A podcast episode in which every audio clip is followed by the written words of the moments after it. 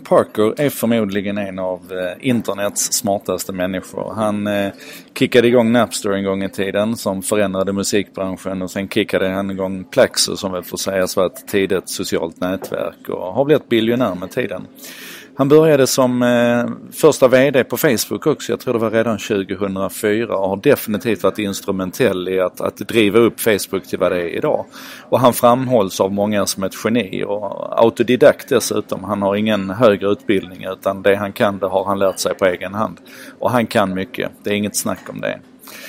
Det betyder ju att när han nu då går ut och säger egentligen i en sidonotis till en, till en, en intervju som handlade om någonting helt annat, det handlade om cancerforskning.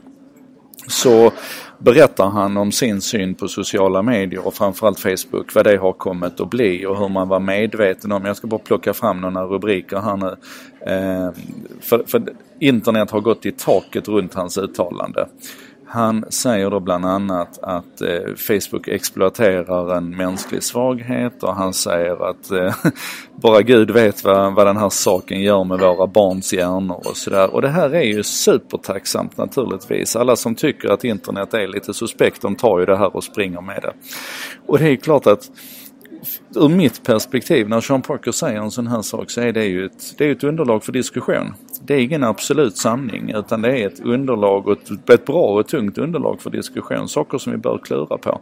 Men vi har en förmåga att, att göra det här till stora övergripande sanningar och göra det alldeles för lättvindigt och enkelt. Det är ungefär som, ni har säkert sett de här artiklarna om att det finns ett par stycken IT-miljardärer i Silicon Valley som har skickat sina barn till Montessori-skolor och, och avhåller dem helt och hållet ifrån att arbeta med skärmar och sådär. Och så gör vi det till ett, ett stort och genomgripande fenomen och till någon slags universal lärdom. När det i själva verket handlar om ett antal individer som har valt att se saker och ting på ett annat sätt.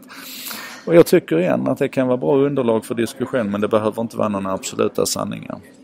När det gäller själva sakfrågan här så är ju jag inte en auktoritet på något större sätt än vad Sean Parker är naturligtvis. Men jag menar nog att vi kan ha lite ska man säga, lite överseende och lite respekt för historien. För det är ju faktiskt så här att precis det som vi säger om sociala medier idag, det har vi en gång i tiden sagt om, om böcker. Vi har sagt om när televisionen kom. Vi har sagt det när mobiltelefonen kom. Att, att alla de här teknikerna skulle förslava människan. Ungefär som vi var Eh, stora delar av världen var helt förtvivlade när de automatiska vävstolarna kom och spinning Jenny-rörelsen sprang omkring och slog sönder automatiska vävstolar och maskiner för man var helt övertygad om att det skulle driva alla människor till arbetslöshet. Men det löste vi.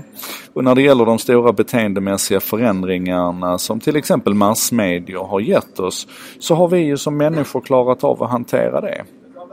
Och igen så säger jag nu då inte att vi inte ska läsa och begrunda det som Sean Parker säger. Men jag menar att vi, vi måste vara lite försiktiga med vad vi väljer att ta för sanningar och hur snabba vi är att hoppa till slutsatser. Och det är lite grann hela poängen med en sak idag egentligen. Det är att vi ska försöka, att vi ska försöka hitta den här lite djupare diskussionen. Ta lite, lite djupa andetag och, och fundera över frågorna ur så många perspektiv som vi bara kan.